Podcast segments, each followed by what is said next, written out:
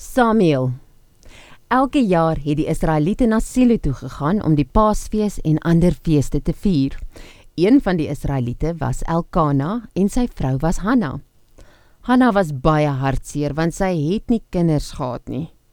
Toe hulle 'n keer weer in Silo was, gaan sy na die tabernakel en bid baie ernstig en sê vir die Here dat sy baie graag 'n baba wil hê. Daardie selfde jaar nog verwag Hanna haar eerste kind. Sy naam was Samuel.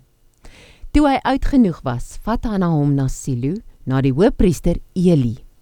"Meneer," sê sy, "onthou u hoe ek 'n paar jaar gelede hier gelê en bid het?" "Ja," knik die grys ou priester.